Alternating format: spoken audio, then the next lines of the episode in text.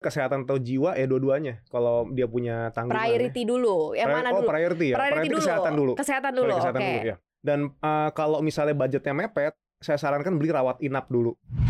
Uangnya udah ada nih 200 Hmm. juta Mas Akbar. Kalaupun misalnya mau ditaruh di KIK EBA Hmm. atau mungkin eh, mau ditaruh taruhlah beli Sun gitu ya. Lebih baik berapa persen sih? Karena sudah pensiun pasti tidak ada income bulanan. Ya.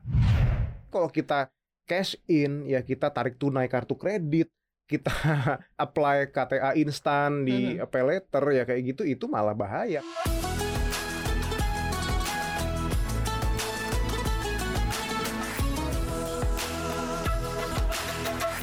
Assalamualaikum Sobat Cuan, apa kabar? Semoga selalu dalam keadaan yang happy, yang bahagia dan juga sehat-sehat Apalagi kita udah gak kerasa ya, udah ngejalanin bulan Ramadan ini udah hampir setengahnya ya, bahkan setengah lebih nih Senang sekali kita ketemu lagi di Cuap-Cuap Ramadan Persembahan dari Cuap-Cuap Cuan selama bulan Ramadan Untuk menemani Sobat Cuan menjalankan ibadah puasa Supaya puasanya itu lebih penuh dengan amanah dan juga akan banyak berkah. Amin ya. Hari ini ketemu dengan Mario Katarina dan juga ada Aulia Akbar di sini financial expert CNBC Indonesia dalam Vicky Financial Clinic Syariah. Udah tahu dong harus ngapain loh ketika Vicky. Oh, Oke, sudah tahu dong pasti. Udah tahu dong pastinya ya. Ada banyak sekali pertanyaan yang muncul dari Sobat Cuan selama bulan Ramadan ini gitu ya di Instagram kita di @cuap underscore cuan. Jadi terima kasih banget yang udah join dan udah tanya gitu ya. Langsung aja Oke. klinik kita buka. Ayo kita klinik buka. kita buka ya. Oke. Kita buka klinik kita hari ini Hmm. menjawab pertanyaan-pertanyaan yang seru banget karena pertanyaan kita yang pertama ini datangnya dari senior. Karena Hmm, dia bilang oke. usianya sudah masuk masa pensiun nih Oke. ya namanya at with with me nih ya. Selama ini uang saya cuma saya taruh di tabungan aja di Hmm. bank katanya. Kurang lebih ada 200 juta. apa yang harus saya lakukan dengan uang saya ya? Apakah sudah terlambat nih untuk investasi? Hmm. kalau investasi lebih baik di mana ya harus investasi selain saham? Oke udah tahu nih ya kalau saham kan high risk ya karena saya nggak paham lagi soal saham mau dijawab Oke. dong Min gitu. Oke, siap. dijawab siap. dong Mas Akbar silakan Oke, ini jarang-jarang ya ada yang nanya Senior. senior ya di sini ya dan Mm-mm. topiknya adalah dana pensiun, dana Yes. pensiun yang sudah ada tapi bingung mau dikemanakan, mau diinvestasikan atau mau dibuat apa gitu ya.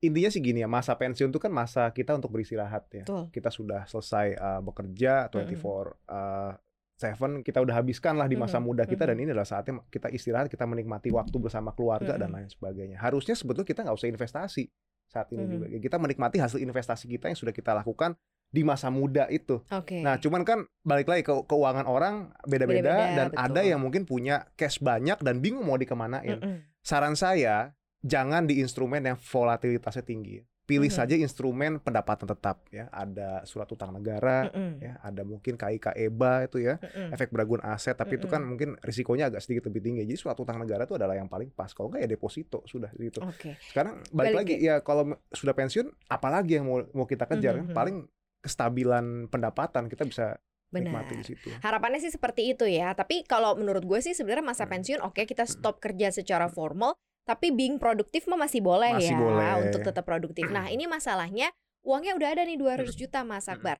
Kalaupun misalnya mau ditaruh di KIK EBA Hmm. atau mungkin eh, mau ditaruh taruhlah beli Sun gitu ya. Hmm. Lebih baik berapa persen sih yang secara apa ya, yang secara logika masuk nih karena sudah pensiun pasti tidak ada income bulanan. Ya, ya sebetulnya sih ya, ya mau ditaruh 100% bisa juga, tapi kalau Hmm. itu instrumennya adalah surat utang negara yang benar-benar zero risk untuk default di situ ya. Tapi kalau yang lain ya saya rasa taruhlah 50% atau 70% dan sisanya pegang untuk cash gitu di situ itu juga, nggak masalah gitu. Mhm. Jadi jangan jangan semuanya, tapi kalau memang itu adalah uh, instrumen yang zero risk terutama dalam uh, aset default ya silakan aja sih.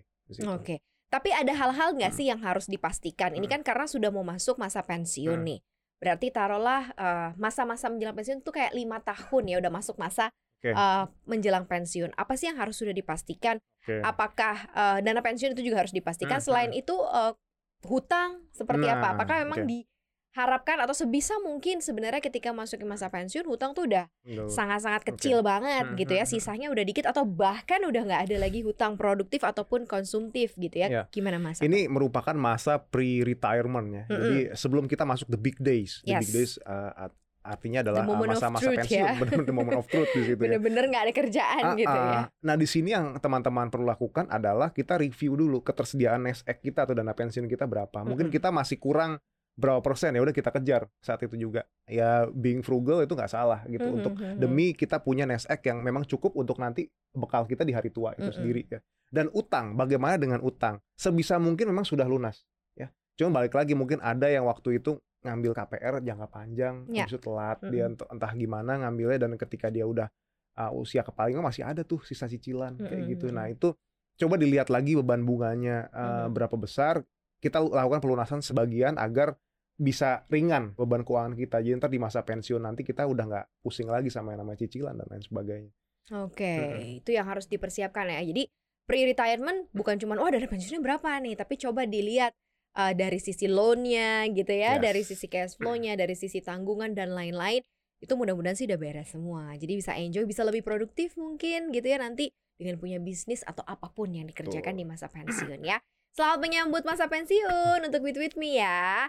Nah, kita lanjut ya. Ini pertanyaannya dari Umi Maya.floss. Oke. Saya generasi sandwich, saya dan suami harus menanggung kedua orang tua saya. Sementara saya juga punya tiga anak yang harus dibiayai. Jadi kami harus membiayai kebutuhan tujuh orang. keluarga. Oke, gimana caranya supaya bisa ke cover ya untuk semua kebutuhan dengan total penghasilan kami berarti berdua ya 15 juta per bulan. Kami udah berusaha nih untuk menambah income tapi kan nggak semudah itu. Ya, Betul ya. ya, ya. Side hustle emang nggak semudah Ya. itu. Tujuh orang dengan income 15 juta per bulan. Nah, itu agak-agak berat sih sebetulnya. Yes, itu struggles banget Even sih. kadang-kadang tiga atau empat anggota keluarga pun sangat berat Mm-mm. untuk segitu ya, apalagi di Jakarta Mm-mm. segitu. Oke, kalau bisa nih income-nya ditambah secara permanen. Jadi upgrade karir kalau menurut saya itu yang Mhm. penting. Mhm. Karena sekarang kalau ngandelin segitu aja yang ada defisit cash flow. Kalau kayak gitu terus-terusan yang ada tabungannya habis. Dan penting juga untuk mengedukasi anggota-anggota keluarganya Mhm. yang tujuh orang itu.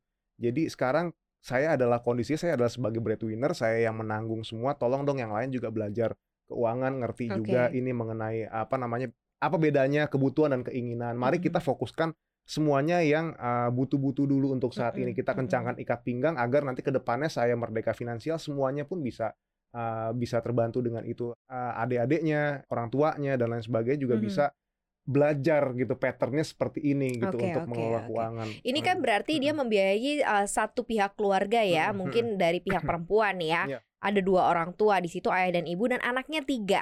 Mana yang paling uh, big priority gitu ya? Dan apa yang harus uh, dari sisi proteksi yang harus diproteksi seperti apa? Oke. Ini kan prioritasnya tiga anak yang harus dibiayai. Taruhlah berarti tiga anaknya masih ke sekolah ya, berarti Mhm. ada biaya pendidikan. Iya, iya, iya. Terus kemudian orang tua biasanya masuk ke usia mature atau Mm. usia uh, senja gitu ya, atau usia yang sudah senior. Mm. Biasanya ada kebutuhan uh, elder care. ya Gitu. kebi- kebutuhan-kebutuhan seperti biaya ke dokter, check up dan lain-lain gitu. Nah, ya. gimana nih Mas Akbar? Sebetulnya sih kalau kayak gini ya otomatis yang paling priority adalah anaknya karena Mhm. pengeluaran biaya pendidikan itu a- adalah pengeluaran wajib gitu. Nggak Mhm, mungkin kan kita sekarang nggak bayar biaya pendidikan di saat ini bisa-bisa anaknya malah dikeluarin malah di sekolah Malah gitu. resikonya malah besar resikonya ya. lebih besar Ya. masa depan anak yang kita korbankan di sini ya. Mm-mm, Nah, mm-mm. sementara bagaimana dengan orang tua? Coba kita buat planning inilah, bu- budgeting lah untuk kebutuhan orang tua selama setahun ya. Mhm, Kita mhm. coba hitung dari uh, makanannya, mungkin obat-obatannya dan lain sebagainya dan mungkin yang berkaitan dengan lifestyle juga. Coba kita cukupkan, kita ambil budget yang paling make sense tapi tidak mengurangi uh, kualitas hidup mereka juga gitu. Dan memang kalau memang harus kayak memang tight banget ya, ya Mm-mm. udah itu yang memang harus kita lakukan karena kita juga punya anak-anak yang yang benar-benar bergantung sama kita masih ada di fase dependent Ya. dan pastinya breadwinner ini tadi saya lupa sebutkan dia harus punya asuransi jiwa betul. ya, karena betul. Uh, mohon maaf ya kalau misal breadwinner yang meninggal dunia atau Mhm. cacat tetap total mohon maaf sekali ya ini yang bergantung sama dia bakal mengalami masalah finansial Mhm. anak-anaknya bisa nanti putus sekolah dan orang tuanya ya lebih bingung lagi mau bergantung ke siapa Betul. Breadwinner yang ya. dimaksud adalah si apa tulang tulang punggung keluarga ya, betul, si betul. nahkoda pembawa Nahkodanya. kapal ini tulang gitu ya. ya gitu ya. Karena kalau misalnya sampai terjadi apa-apa kayak kapal bisa uh, Kapal bisa karam, karam di gitu ya. Nah, itu mungkin uh, priority-priority nih Umayyah yang misalnya uh, harus mungkin didahulukan ya namanya juga prioritas jadi harus didahulukan Betul. sambil ya rezeki mah kita tahu uh, nggak mesti istilahnya ya rezeki bisa dari mana aja gitu ya apalagi di bulan Ramadan mungkin nanti habis ini ada rezeki tambahan tapi jangan pernah berhenti untuk berusaha ya Semangat ya Umayyah ya, umayyah.floss ya. Next, selanjutnya ada Hendy Utomo. Saya usianya 30 tahun, penghasilan bulanan saya 8 juta, anak saya satu. Saya ingin beli rumah, katanya. Oke. Gimana nih bisa mempersiapkan keuangan untuk mencapai tujuan ini? Oke.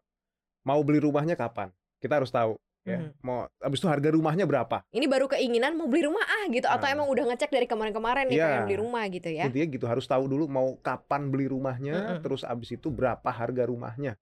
Ya. Lalu kita hitung berdasarkan inflasi, kenaikan harga properti berapa sih kita lihat aja cek di website BI lah. Ya Mhm. anggaplah 10% lah per tahun. Jadi Mhm. harga rumah yang kita pengen yang sekarang ini harganya let's say kayak ti- eh, 500 juta berapa harganya nanti di lima tahun yang akan datang.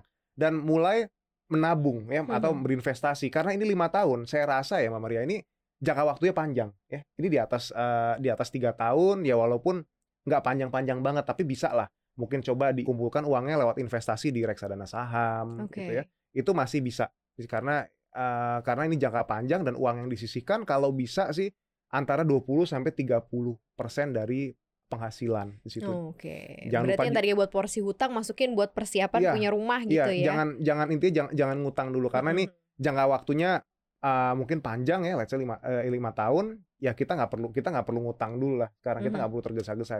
Dia mungkin melihatnya ini belum jadi prioritas untuk saat ini. So Mhm. lebih baik nabung dulu atau investasi dulu. Dan jangan lupa juga ketika investasi lakukan diversifikasi ya 50-50 bisa mungkin ke reksadana saham, sisanya ke reksadana pendapatan tetap atau reksadana pas- pasar uang atau ke instrumen lain yang sifatnya uh, Oke. lebih low risk jadi bisa bisa balance. Ideal time-nya emang berapa lama sih untuk kita mempersiapkan diri kita untuk punya rumah? Karena kan kalau punya rumah Oke. kan kalau nggak diambil sekarang ya naik harganya ya memang iya secara otomatis ya, betul. karena memang harga tuh mengikuti Mm, sebenarnya mm. mengikuti dari uh, demand-nya juga, juga. waktu juga Mm. memang gitu. Tapi sebenarnya uh, berapa lama waktu preparation yang oke lah menurut Mm-mm, lo mm-mm. gitu ya untuk kita Mm-mm, kemudian mm-mm. bersiap punya rumah? Sebetulnya sih kalau ditanya apa namanya kapan waktu yang ideal gitu, setiap orang pasti timelinenya beda-beda gitu. Ada Mm-mm. mungkin yang dia uh, tiba-tiba dia udah dia udah nikah statusnya. Mm-mm. Sekarang mungkin dia harus mempersiapkan itu dalam waktu dua tahun atau tiga tahun lebih lebih sem- lebih tight lagi. Tapi mungkin yang single itu lima tahun, saya rasa itu udah udah cukup oke di Oke. situ ya. Karena uh, spare waktunya dia untuk investasi, untuk membenahin cash flow-nya dia dan lain sebagainya itu masih masih cukup panjang gitu. Bahkan di Mhm. lima tahun itu dia bisa aja dia pindah kerja lalu dia dapat penghasilan yang mungkin dua kali lipat dari income dia atau Mm-mm. 30% yang lebih tinggi. Setidaknya kan dia uang yang dia sisihkan untuk nabung per bulannya kan bisa lebih besar juga. Jadi Mhm. saya rasa tuh lima tahun untuk yang single dan nggak terburu-buru itu adalah uh, waktu yang tepat banget sih Oke. Mm-mm. Berarti rumah kan sebenarnya bukan kebutuhan mendadak ya, Betul. tetapi sesuatu hal yang memang bisa kamu persiapkan. Yes. Jadi kalau sekarang mungkin kepikiran, oke penghasilan saya 8 juta, saya punya satu anak, mungkin dicek dulu eh, persiapan-persiapan yang lainnya. Dan tadi benar Mas Akbar bilang harus dicek juga mau beli rumahnya di mana, harganya berapa, kapan gitu Mm, ya. iya. Nah mungkin sambil diperhitungkan juga eh, aset lain atau Mm-mm. mungkin tabungan lain yang dimiliki selain Betul, income betul. ya, untuk support supaya bisa punya rumah nih. Semangat ya, Mas Hendy ya. Next ada Rehan Fai. Halo Rey, ini perlu nggak sih. THR buat beli hampers lebaran ke rekan-rekan? Oh, THR. THR memang atau mungkin uh, porsi THR yang memang dikhususkan untuk Untuk hampers bagi-bagi ya. hampers ya. Dulu sih sebenarnya nggak pernah ada tren ini, tapi belakangan emang Ya, lumayan ya. COVID-19 Apalagi itu kan kalau dulu kan bingkisan Ya, ya, ya, orang ya, bingkisan ya. mahal banget kan. Mm-mm. Sekarang hampers dengan modal 200 ribu, 100 ribu, it's okay gitu ya. Apa uh, masih masih wajar dan kita bisa kasih banyak orang ya. Bener. Sama ini loh kadang karena kan kalau gue Natalan ya. Oke. Jadi gue tuh suka beban banget kalau aduh gue Natal kemarin dapat lagi nih. Jadi harus A, kita harus kasih balik. harus iya kan membalas terus kalau ber- berputar kayak gitu Ya. terus nanti gue lebaran apa nanti gue Natal dapat Ya. lagi lebaran gue ngasih lagi gitu. Jadi kayak sebuah eh, bola salju Iya, ya, snowballs effects yang lama-lama akan menggunung besar Akan gunung besar dan kadang-kadang iya, setiap bulan eh setiap tahun itu kan eh, naik harganya. selain naik, prioritas hidup kita kan Iya, beda-beda iya, ya. iya, Kadang iya. ada uangnya buat Hmm. disiapin hampers, kadang enggak Kadang gitu. Nah, enggak. ini kan agak PR juga. Nah, ini gimana nih kalau lo menyikapinya? Ah, Oke, kalau menurut gua, gua adalah orang yang mengalo- mengalokasikan pengeluaran untuk itu sih. Karena Yes. balik lagi kita menjaga pertemanan, kita menjaga relasi, kita menjaga network dan Mm-mm. kita uh, beli hampers itu memang ke orang-orang yang memang potensial untuk kita ajak kerjasama, Mm-mm. kita uh, kita tukar pikiran dan lain sebagainya. Jadi lebih baik dialokasikan saja dari uang THR ya sebut saja maksimal di 15% atau 10% deh. Mm-mm. Jadi jangan terlalu mahal juga dan pastikan dikirim ke orang yang memang uh, tepat. Bener bener Hmm. bener. Kalau gue tuh ngasih hamper sih emang untuk orang-orang yang membekas di hati gue aja. Yes. jangan mantan ya pokoknya. Jadi kayak teman-teman gue yang kerja bareng gitu-gitu biasanya akan selalu jadi uh, wishlist awal apa paling atas. Tapi kalau yang mungkin yang cuma kenal-kenal lewat Ya, sih enggak lewat ya. gitu ya. Jadi ya THR memang penting juga bener kata Mas Hmm. Akbar tadi ya untuk jalin uh, relasi, uh, hubungan sosial, apalagi nanti next ada kesempatan-kesempatan lebih besar lagi ya. Betul. Jadi ya dialokasikan tadi 15% ya dari THR ya. Kemudian dari Ray Hicks Us sih Kak mau tanya dong eh, Saya bapak satu anak Kalau saya mau ambil asuransi Ya. Untuk diri saya lebih baik kesehatan atau jiwa ya Oke. Gimana cara menghitung biaya bulanan asuransi yang oke Gajinya soal cuma 7 juta aja 7 katanya. juta ya. Oke. Oke, jawabannya kesehatan atau jiwa ya dua-duanya. Kalau dia punya tanggungan. Priority dulu Yang mana oh, dulu? priority ya. Priority dulu kesehatan dulu. Kesehatan Sorry, dulu kesehatan Oke dulu ya. Dan uh, kalau misalnya budgetnya mepet, saya sarankan beli rawat inap dulu. Oke. Kenapa? Karena untuk rawat jalannya bisa pakai BPJS atau pakai dana darurat Mm-mm, di situ. Kenapa kok rawat inap yang kita pilih? Sekarang gini, komponen biaya rawat inap itu sangat besar. Ya, ada biaya kamar, biaya Yes. dokter, dokter spesialis, Betul. aneka perawatan, ICU, ICCU, Obat tuh jangan salah Obat, Obat tuh gede aneka banget perawatan. Iya aneka perawatan Aneka masuk situ perawatan Obat di tuh situ ya. umah gila banget Terus ada yang eh, biaya perawatan pasca rawat inap. Ya, ya, nah, ya, ya, itu ya, yang ya. bisa tembus 100 juta, Mhm. bahkan lebih ya. Kita kemarin sempat dengar ada selebritas yang dia uh, berobat sampai berapa miliar Mhm. di situ. Bahkan ada yang sempat sampai jual rumah. Mhm, Amit-amit kita mhm, nggak pengen mhm, mengalami mhm. hal Knock on seperti itu. knock on ya. Nah, alangkah baiknya untuk punya asuransi kese- uh, kesehatan rawat inap dulu ya di Mhm. situ. Jadi karena biaya rawat inap ini cukup mengerikan dan kalaupun kita dapat dari kantor pasti bakal banyak uh, kurang bayarnya. Mm-mm, Nanti kita suruh tombok mm-mm. lagi Iya, gitu iya, di iya, situ iya. sih ya. Dan pastikan juga pilih dari uh, perusahaan yang memang sehat secara finansial dan punya reputasi baik ya. Oke. Gitu ya. Udah ada ratingnya sih di CNBC tinggal cek Ada. aja. Nah, kalau dengan 7 juta per bulan sebaiknya berapa uh, alokasinya? Hmm, iya, iya. Alokasinya mungkin kalau dihitung per bulan itu kurang lebih maksimal di 10% ya. 10 sampai Hmm. 15% maksimal. Jadi sekitar 700 sampai 1 juta lah Iya, ya. almost iya kurang lebih segitu tapi itu maksimal. Jadi Mhm. kalau kalau bisa lebih murah lagi ya it- itu bagus, tapi balik Mhm. lagi biasanya lebih murah ya. Itu kita man- maksimum manfaat tahunannya juga kecil. Nah, itu yang kita harus waspadai juga. Jangan sampai oh murah, pas tanya berapa maksimum manfaatnya 50 juta. Nah, ini Mhm, rawan-rawan mhm, tombok. Berarti kalau dalam setahun dia pemakaiannya bisa lebih 100 juta ya amit-amit ada kejadian ya dia harus nombok lagi kan. Jadinya boncos di situ. Nah, makanya harus benar-benar di compare. Makanya kita harus melakukan komparasi karena ini asuransi ini produk finansial yang memang untuk pertanggungan risiko dan ini jangka panjang. Kita bisa bilang jangka panjang. Kita compare perusahaan A, B, C, D, E, F, G ya. Mhm. Kontak agentnya dan jangan ragu untuk mengatakan tidak. Kalau saya tidak cocok, saya dapat penawaran yang lebih cocok. Ini Bilang aja terus terang gitu. Iya, jangan iya, jangan iya, kita nggak iya. enakan di situ ya. Iya, karena ini buat kamu dan Mm-mm. buat eh, proteksi diri kamu gitu ya. Jadi Betul. nggak ada yang namanya membeli asuransi karena nggak enak, Karena nggak enak. karena ditawarin sama saudara, ditawarin sama teman. Kamu butuh atau enggak? Kalau memang ini kan udah jelas nih butuh, mau cari gitu ya, udah mulai searching gitu ya Iya. dari yang paling kecil sesuai dengan budgetnya juga gitu ya dan minta bantuan dari tim salesnya untuk juga mencarikan gitu apa jenisnya ya macam Jenisnya, asuransinya betul. ya. Jadi itu bisa dipertimbangkan ya, Pak Are ya. Mudah-mudahan nanti setelah ini dapat eh, rekomendasi yang cocok gitu ya untuk asuransi kesehatan ataupun mungkin mau ke asuransi jiwa sekalian juga bisa ya. Next at Baka Anikis nih ya porsi dong buat angpau lebaran keponakan. Berapa persen biar nggak boncos? Ya, Ini mah tradisi sih masing-masing ya. beda-beda ya. tradisi cuman kadang-kadang ya bisa bikin boncos gitu ya. tergantung berapa keponakan ya sekarang kalau misalnya kalau misalnya dibilang sekarang saya bilang maksimal 10 atau 20 persen maksimal ternyata Udah teriak. keponakannya ada 20 Bener bener bener bener.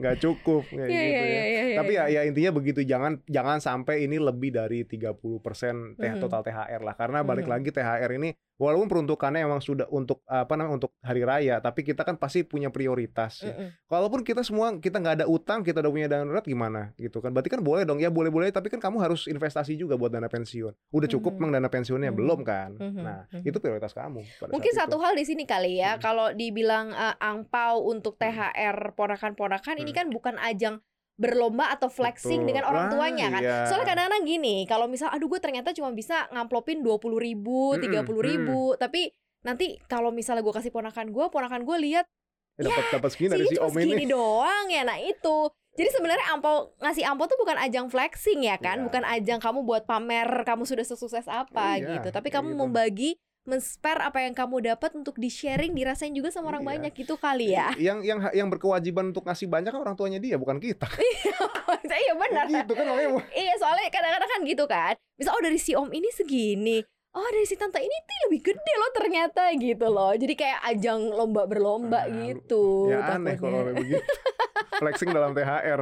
Iya teh apa namanya flexing dalam angpal, Eh, dalam amplop amplop, ya kan Eh. Padahal ditaruh di amplop kan harusnya kan nggak ada yang tahu loh Semangat nih ya Kemudian ada eh, Indah Permata Min, keterampilan keuangan yang perlu dikuasain apa aja sih untuk supaya pengelolaan keuangan saya lebih baik? Oke, yang pertama sebetulnya yang paling simpel dan paling sering diulang-ulang ya, Hmm. membedakan mana kebutuhan dan mana keinginan. Ya itu deh, itu kayak eh, pelajaran paling pertama itu ya. paling pertama karena ini tidak Mm-mm. diajarin di sekolah, akibatnya semua jadi tumpang tindih. Iya, gitu. iya, Kita iya, kita iya, merasa yang ingin itu yang kita butuhkan gitu, karena Betul, kita betul, betul. butuh biar kita cari justifikasi gitu ya, kita cari pembenaran terus gitu ya. Mhm. Kalau saya nggak melakukan kayak gini, saya stres, saya nggak bisa cari duit, saya kayak gini kayak gini terus aja udah Hmm. kayak gitu. Lo, lo melakukan itu untuk pembenaran diri Iya, gitu kayak ya. gitu. Padahal apa ya? Padahal secara nggak langsung hal-hal kayak gitu kadang-kadang yang kita nggak butuhin tapi kita keluarin itu malah bikin apa keuangan kita jadi nggak sehat, cash flow Betul. kita jadi uh, berantakan, pengeluaran kita jadi semakin besar gitu. Ujung-ujungnya kita nggak punya